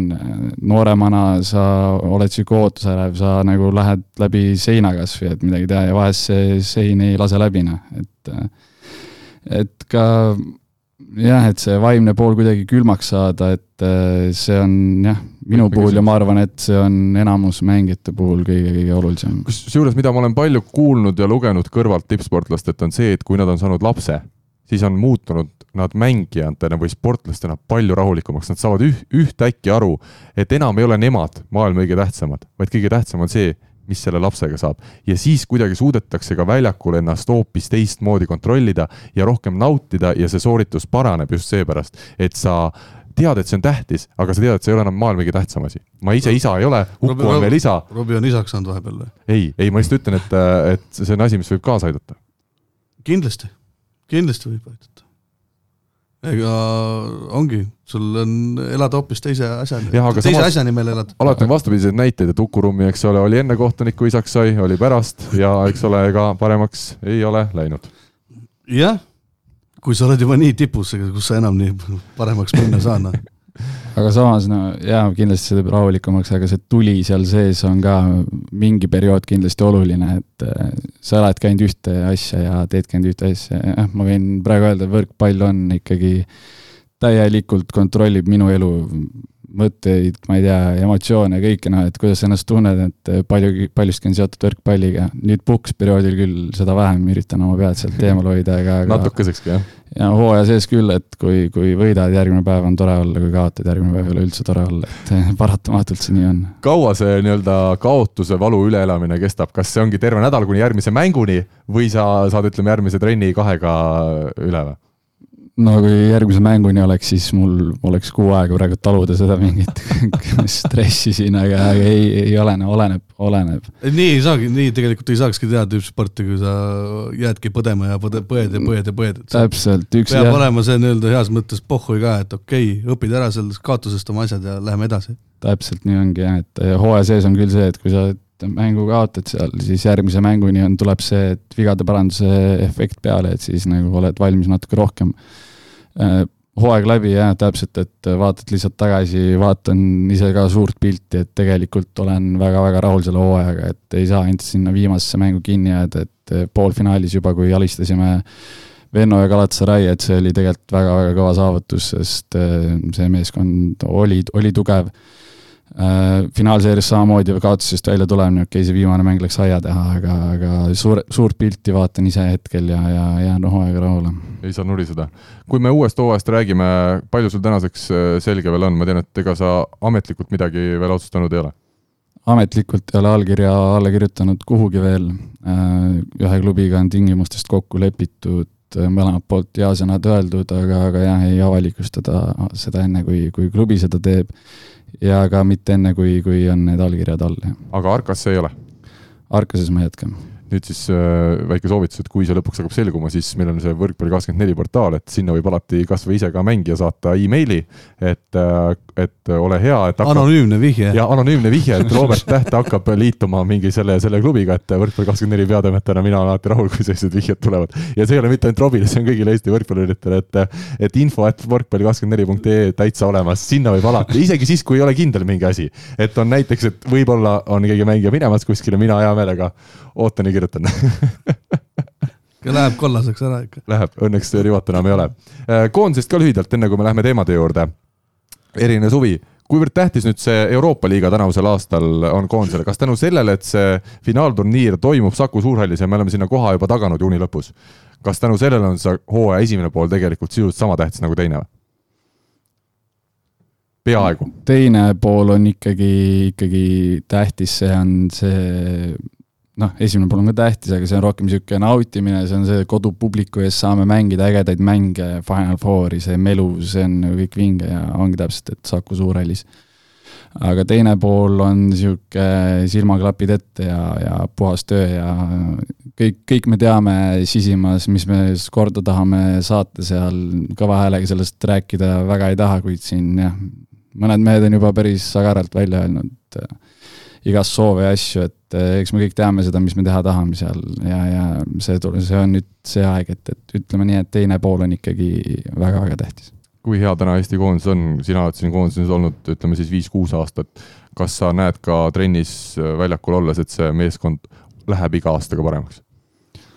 no seal sees olles on äh, raske seda võib-olla märgata, kuid äh, jah, mida rohkem ikkagi koos oled, seda rohkem üksteist mõistad, mingit jama meil seal omavahel ei ole, mingit tüdimust ei ole, et näed seal, me ei, ma, ma usun ka, et me praegu ei ole ju päris pikk, aa ah, okei okay,, jaanuaris tegime selle Lätiga mängu, aga lähme siin pärast mõnda nädalat nüüd tagasi koondisesse, esimene kuuikutrenn, mis meil siin kuuel puhkajal tuleb, ma arvan, et see koostöö ei ole mitte kuhugi kadunud, et see on seal täpselt olemas ja alustame sealt, kust pooleli jäi ja mida me Toobaliga siin ka rääkisime, Gert Toobaliga siis jälle mõned saated tagasi, siis äh, mis on Eesti võrkpallis hea, on vist see, et kui muidu tullakse koondisse, näiteks Ragnar Klavan tuleb koondisse, vaatab, et no nii, et siin need mehed jah, on nagu on, või et korvpallis tuleb keegi Siim-Sander Vene tagasi ja vaatab, et noh, siin need mehed on nii nagu on, kui sa ise mängid Euroopa tipus, siis võrkpallis on meil see, et sa tuled klubist, kus sa oled näiteks Türgis, eks ole, Türgi tippklubis, tuled tagasi koondisse ja vaatad, et siin on ka väga head mehed kõrval jah, täpselt, et äh, meil on nüüd täna, täna, tänasel päeval on juba mehed, kes mängivad väga kõrgel tasemel ja, ja tore on ka see, et äh, iga aasta on Gianni andnud ka uutele meestele võimaluse ennast tõestada ja, ja kes siis suudab läbi murda ja, ja aga ütleme, et see muutus on ka väga-väga niisugune suhteliselt minimaalne olnud, aga samas ka täiesti mõistetav, miks ta on minimaalne olnud väga hästi, me tõmbame sellele esimesele ja väga pikale saateosale joone alla ja läheme kiirelt veel mõne teema juurde. võrkpall kahekümne nelja küsimusmängu toetab Sportland eelmises osas esitasime siis kõigile kuulajatele küsimuse, mis oli seotud meie eelmiste saatekülalistega, kelleks olid siis Kertu Laak ja Liis Kullergann. küsisime ühe väga lihtsa küsimuse. milline jõgi läbib nii Laagi kui Kullergannu kodulinna? Õige vastus. Loomulikult, kui inimesed on pärit äh, Keilast ja, ja Kohilast, siis on õige vastus Keila jõgi. üks inimene oli, kes vastas midagi muud, aga õnneks ikkagi geograafia teadmised äh, olid paljudel paigas. kolmkümmend kuus õigesti vastajat, Robert Täht, meie saatekülaline, ole hea, vali üks number. Kõik ütlevad oma särginumbri tavaliselt ja, aga ma ei ütle siis, ma ütlen kakskümmend üks. kakskümmend üks, Aivar Kaljur, soovime õnne Aivarile Eesti koondise mängusärk äh, koos nime ja numbriga on peagi-peagi sinu oma ja uue nädala küsimus tuleb siis järgmine. seotud on see Robert Tähega. kui Robert oli noor ja mängis võrkpalli veel Võrus, siis tuli üks teise ala treener saali ja ütles, et sinust võrkpallurit niikuinii ei saa, et sina peaksid tegelema hoopis selle alaga. Urmas Tali ajas selle treeneri saalist välja aga meie nüüd küsime, mis alatreeneriga oli tegu ja mis alaga siis ta soovitas Robil tegelema hakata. sai vist õigesti formuleeritud see küsimus? jah. nii et ootame kõiki vastuseid, info et võrkpalli kakskümmend neli punkt ee, nagu näete, mitte ainult neid mängijate üleminekuid ei pea meie info meilile saatma, vaid ka õigeid vastuseid. ja võrkpalli kakskümmend neli punkt ee Facebooki lehte ja sinna sõnumitesse on siis samuti võimalik neid vastuseid saata. aga meie lähme järgmise teema juurde. Pahv lööb pahviks ehk nädala tegija aga nüüd siis nädala tegija, Timo Tammemaa eelmisel nädalal äh, valituks osutus sada kakskümmend neli häält äh, võrkpalligrupis Facebookis äh, temale tulid. Ja ega ei ole üllatav ka, Timo oli siis Maaseki Greenyardi üks põhitegijaid, kui äh, teist aastat järjest Belgia meistriks tuldi, otsustav viies mäng võideti napilt-napilt kolm-kaks ja meie meestest siis lisaks Tammemaale ka Aganits ja Pupart olid selles äh, Maaseki võidus osalised, aga, aga mitte sugugi nii suure rolliga nagu Tammemaa. Robbie, ole hea, ütle sina Timo Tammemaa kohta paar äh, sõna, kuivõrd erilise mängija inimesega on tegu Timot jah, tean juba Audentese aegadest, oli ka täiesti tundmatu mees minu jaoks, äh, natuke vanem, aga ta mängis ka, ta ei mänginud seal Saaremaa võistkonnas, ta tuli sealt Kuressaare, et seal oli seal kaks spordiklubi. Äh, natuke kaua tundus mingi aeg, natuke kaua jäi Eestisse pidama, kuid, äh, kuid nüüd on näidanud, et väga-väga sirgjooneliselt üles, ülespidi liigub tal see karjäär see aasta jälle näitas suuremat stabiilsust üles, füüsiliselt väga palju antud, pea vahel saab järjest rohkem saab, seda mängu arusaamist on tekkinud, servijoonedega ohtlik, et ütleme niimoodi, et niisugust temporündajat tahavad väga-väga paljud klubid. kas Eesti koondise füüsiliselt kõige võimekam mängija, võib nii öelda? või ütleme, erinevatel Ma... positsioonidel on erinevad rollid ja peale, on raske öelda. peale, peale sinu ei, ma mõtlen just seda, et äh, ma ei, ma ei tea täpselt, äh, mis need siru kõrgused seal võivad olla, aga, aga kindlasti ta on hästi plahvatuslik äh, ja, ja jah, et võib öelda küll jah, et üks võimekamaid, noh, Teppan on teistmoodi jälle võimekas, et tal on oma kõrgus, tal on oma pauk seal käes ja, ja noh, igal, igal jah, täpselt nagu sa ütlesid, et igal, igas positsioonis no, Timo, Timo on ikkagi praegu paistab, et on ikkagi kolmas korrus on see, kus ta kui nüüd palle võtab. ja, ja Maassegis öeldi ka, et kui ta peaks jätkama seal, et siis ehitatakse see lagi kõrgemale. et pall, et, et pall läheb lakke või, või ta ise... pall läheb, pall läheb juba ammu lakke, mees läheb ka lakke. aga Timo Tammemaa kõrval siis ütleme, Andri Aganits on vigastusest taastumas väga hea koondise juures, loodetavasti tagasi juba täistuuridel. Keit Puparti jaoks hooaeg jäi natuke selliseks tagasihoidlikuks, et hooaja teine pool ta sai väga vähe mänguaega. palju nüüd sina, Robbie, selles asjas sees oled, palju sa üldse näiteks Pupartiga suhelnud oled, äh, oskad sa öelda, kuidas talle see mõjus ja, ja, ja ütleme, mis põhjustel see, ta üldse ei või seal teises pooles varusse jääda? Äh, ma olen seda rohkem kuulnud, äh, noh, me oleme suhelnud Andri ja Andriga kõige rohkem nendest meestest ja Pupartiga jah, kolm aastat olin koos, aga kuidagi no ütleme niimoodi, et äh, me ei ole nii Facebooki venad, et kui midagi vaja, siis me helistame üksteisele, et, et vanakooli mehed. jah, et äh, aga, aga noh, ma ei tea, miks see Pupart sinna täpselt pingile jäi, aga, aga ma arvan, et äh, et see oli natukene treeneri kala, aga kui treener tuleb võistkonnaga meistriks, siis ei saa keegi talle mitte midagi ette heita ja nii on nii on täpselt. Aga meie hääletusel said teise ja kolmanda koha välismaalased, kes isegi ei mängi Eestis, küll aga Ei on nad Eestiga seotud. Dmitri Bašitski siis teine koht seitsmeteist häälega, kolmas Toomas Sammelvoo neljateist häälega, mehed, kes viisid Kemerovo Kuspassi Venemaa meistriks. meeskond, kes ei olnud kunagi varasemalt isegi medalit võitnud, üksteist aastat tagasi alles klubi loodi ja nüüd siis Toomas Sammelvoo, mõned aastad on seda nii-öelda Venemaa siis keskmikku juhendanud ja viis meistriks Kaasani seniidi vastu, võideti finaalseeriat, täiesti uskumatu tulemus. Robbie, jälle täna võimalus sinu käest, kes sa oled ise ka tippvõrkpalli mängimas, küsida, kuivõrd suur ime see kõrvaltvaates oli? võrkpallimaastikul selle hooaja üks niisugusemaid ägedamaid ja värskendavamaid äh, muutusi jah, see Kemerovo ja, ja noh, saavutusi see Kemerovo triumf seal äh, finaalseerias, et see oli ootamatu, kuid samas Kemerovo siin näiteks eelmine aasta oli ka karikafinaalis minu teada ja et on seda finaali juba maitsnud, et äh, ja need mehed äh, suures pildis samas, et äh, ka nooremad mängumehed seal diagonaalpositsioonil näiteks on üheksakümmend viis aasta sündinud mees et kes on ka karastunud siin viimased aastad kõvasti ja, ja nüüd, nüüd tegi selle ära, mis, mis temalt oodati, et vedas, vedas Kemerovo tiitlini ja kindlasti oli ka meie, pool meie siis tiima väga-väga suur osa sellest võistkonnast, et väga hea hooaja tegi. mina näiteks andsin hääle, hääle Tiimale. Mitte midagi, et Tammemaa vastu oleks, aga minu arust peaks olema Tiima Eesti litsentsiga. nüüd, kui Tiima kuhugi üle, üleminekut läheb, siis peab meie alaliit peab selle ära kinnitama. sest et e tema esimene nii-öelda registreerimine toimus Eestis, nii et põhimõtteliselt ta võiks Eesti koondist esindada. ja ma saan aru, et see ei ole ainus asi, mis teda Eestiga seob. jah, jah, et siin on, kas tal on vist elukaaslane. elukaaslane elukaaslane. pikalt, jah. Nii et, aga meil samas on öeldud, et Tiimale Eesti kodakondsus ja koondisse, aga kuhu me paneme ta koondisse? kas me paneme neli temporündajat väljakule korraga või? no seda, seda ei pole, seda pole keegi ütelnud, et me ta toome siia, et ta- ta võiks esindada, aga ega ei praegu ei ole panna kuhugi, muidugi. põhikoondisse. Vessa juurde randa.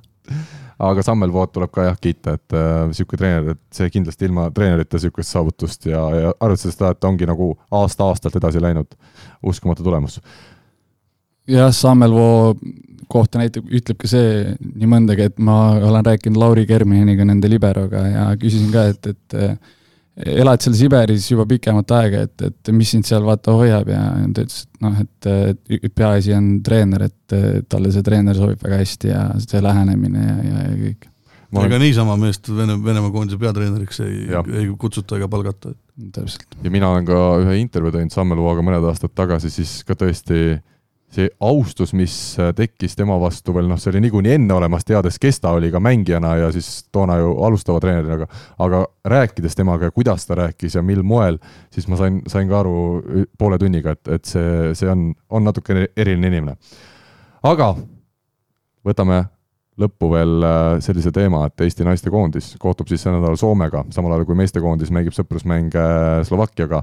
Need on siis mõlema koondise jaoks need ettevalmistavad kohtumised Euroopa liigaks, meestel kuldliiga, naistel hõbeliiga ja üleeile, esmaspäeva õhtul siis Kertu Laak, meie naiskonna liider, murdis treeningul parema käe päikesesõrme plokis õnnetult, nii nagu ikka võrkpallis ette tuleb kes lõi?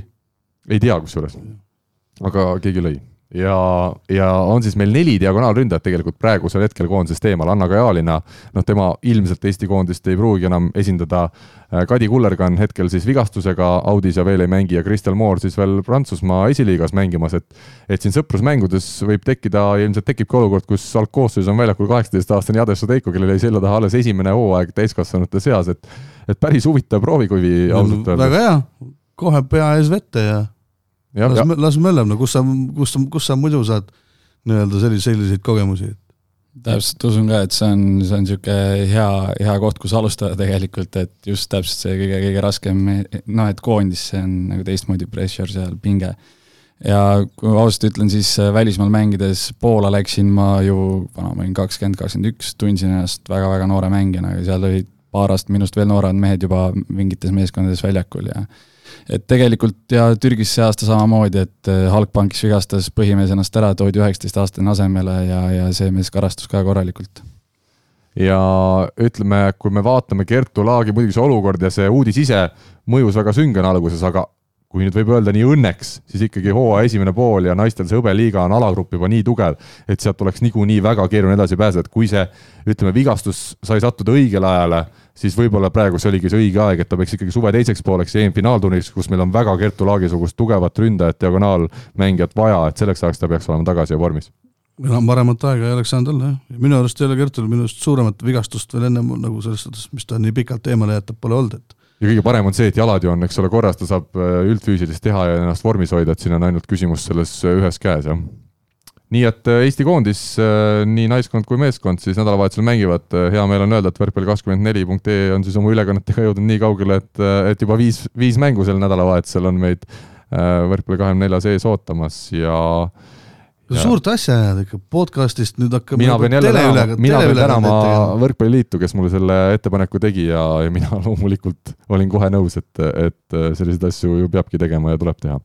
ja saate lõpetuseks äh, ütleks siis nii palju, et meistrite liiga finaalid nädalavahetusel, laupäeval vist, meestest mängimas siis Zenit ja Lube. Lube tuli äsja Itaalia meistriks, Zenit siis, ma arvan, et neil on küll praegu tõestamisvajadus kõvasti pärast seda Venemaa liiga finaali.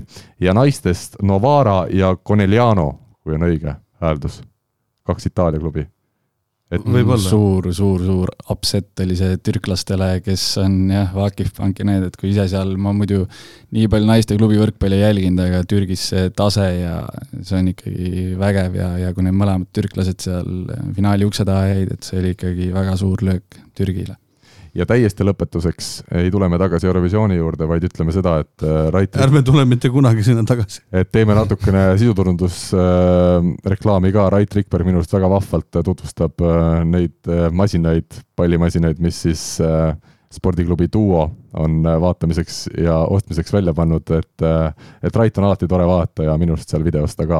Meil, meil on, meil on TalTechis sama masin, aga me ei eputa. väga hea aitäh kõigile kuulajatele, aitäh, Robert Täht saatesse tulemast, oli väga meeldiv äh, tund ja natukene peale ja loodetavasti ei möödu palju aega ja me peame sind jälle saatesse kutsuma. kui keegi teine ei tule. ja tulevad Renega koos järgmine kord. no vaata suur aitäh sulle, aitäh Uku ka siin olemast ja mitte väga palju sõna võtmast ja, ja kohtume kõigi kuulajatega nädala pärast. Kuulmiseni. aitäh ka minu poolt ja kuulmiseni. Eesti kõige põnevamad podcastid on Delfis, kuula tasku.delfi.ee